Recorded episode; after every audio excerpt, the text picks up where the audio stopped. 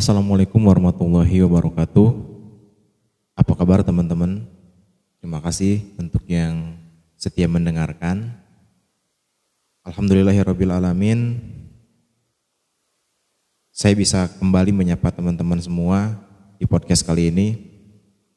Saya tertarik untuk membahas satu pembahasan yang disebut dengan infobesitas. Jadi kawan-kawan sekalian, ternyata hari ini bermunculan penyakit-penyakit baru di tengah-tengah masyarakat kita. Jadi beruntung untuk orang-orang yang hari ini mengalami satu yang disebut dengan obesitas. Nah, obesitas ini jarang sekali atau bahkan tidak ada yang berujung pada pemenjaraan atau berujung pada masalah kasus hukum. Nah, sedangkan infobesitas ini banyak sekali kawan-kawan kita yang dipenjara gara-gara hal ini. Nah, apa sih infobesitas? Jadi kalau obesitas itu adalah kelebihan berat badan atau kelebihan lemak dalam tubuh, kelebihan berat badan lah intinya ya. Maka infobesitas ini adalah kelebihan informasi yang masuk ke dalam diri seseorang atau ke dalam di tengah-tengah masyarakat. Jadi gini kawan-kawan sekalian, beberapa waktu yang lalu saya diundang oleh salah satu, kami tepatnya di kantor saya diundang oleh salah satu sekolah.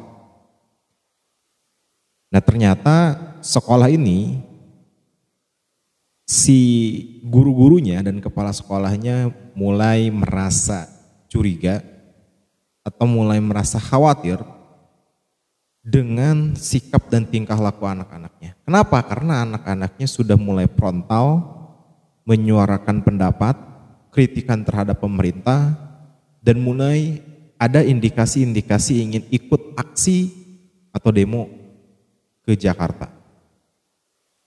Nah ini menuai kekhawatiran dari pihak sekolah karena anak-anak ini belum waktunya untuk melakukan hal-hal itu. Kemudian si guru dan kepala sekolahnya merasa bahwa kenakalan anak-anak ini ada tingkat apa ya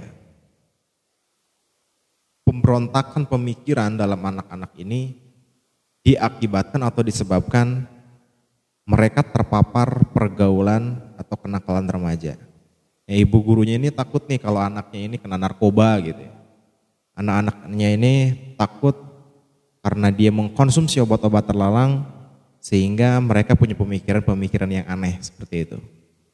Nah akhirnya kami diundang untuk melakukan pengecekan urin atau tes urin kepada 10 orang siswa yang sepuluh-sepuluhnya ini dianggap meresahkan sekolah karena pendapat-pendapat mereka yang selalu uh, memprovokasi teman-temannya.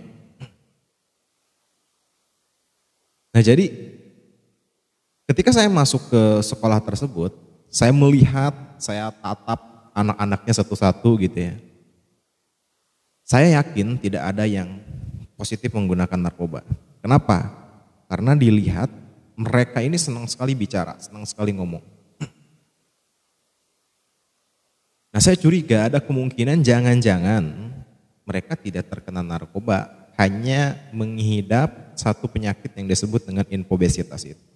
Kelebihan informasi. Karena media saat ini mudah sekali didapatkan. Terutama media sosial. Dan mereka saya yakin punya media sosial. Nah akhirnya setelah berdiskusi panjang lebar dengan mereka, ternyata betul. Mereka banyak membaca berita di media yang sifatnya provokatif.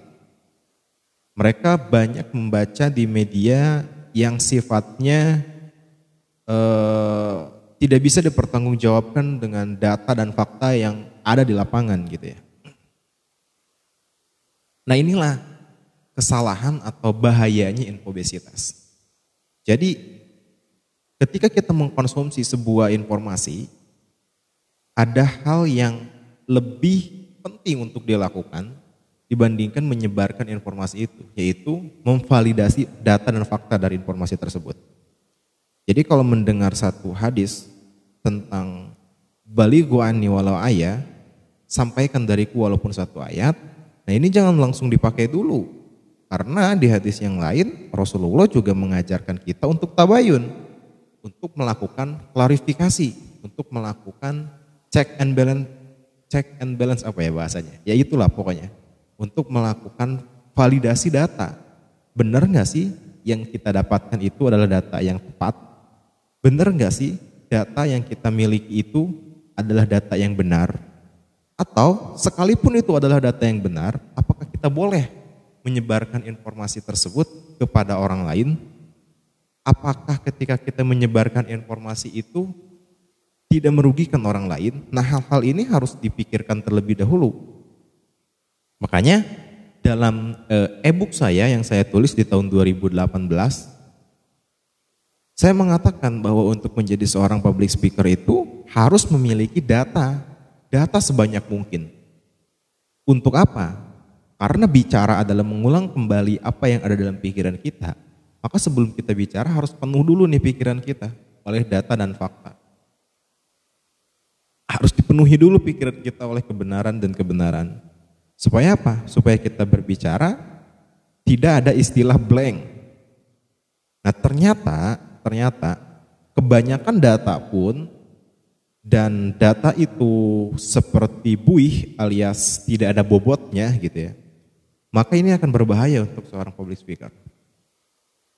Nah di sini saya ingin mengajak teman-teman ketika mendapatkan sebuah data, ketika mendapatkan sebuah informasi, maka sebaiknya validasi dulu data tersebut. Cek dulu kebenarannya kayak gimana.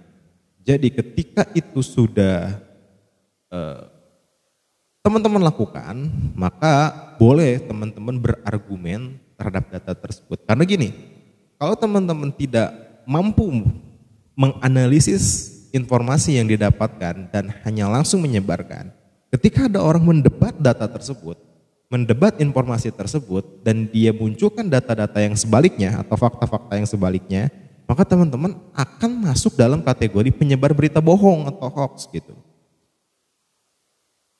Nah ini makanya diperlukan sekali, sekali lagi validasi data itu penting banget. Uh, ya mungkin itu ya kawan-kawan. Saya rasa semuanya udah paham tentang hal ini. Saya tidak perlu bahas mengenai undang-undangnya kayak gimana. Yang jelas uh, ada satu hal-hal yang berlebihan itu gitu ya. Itu pasti tidak akan baik. Ya kita tahu seperti obesitas misalkan. Uh, itu tidak baik karena kelebihan berat badan saja tidak baik. Apalagi kelebihan informasi yang dimiliki oleh kita atau infobesitas. Nah, makanya penting buat teman-teman menyaring kembali setiap informasi yang dimiliki. Mungkin itu aja. Kawan-kawan terima kasih sudah mendengarkan podcast yang singkat ini. Ya mohon maaf kalau ada salah-salah kata. Terima kasih. Wassalamualaikum warahmatullahi wabarakatuh.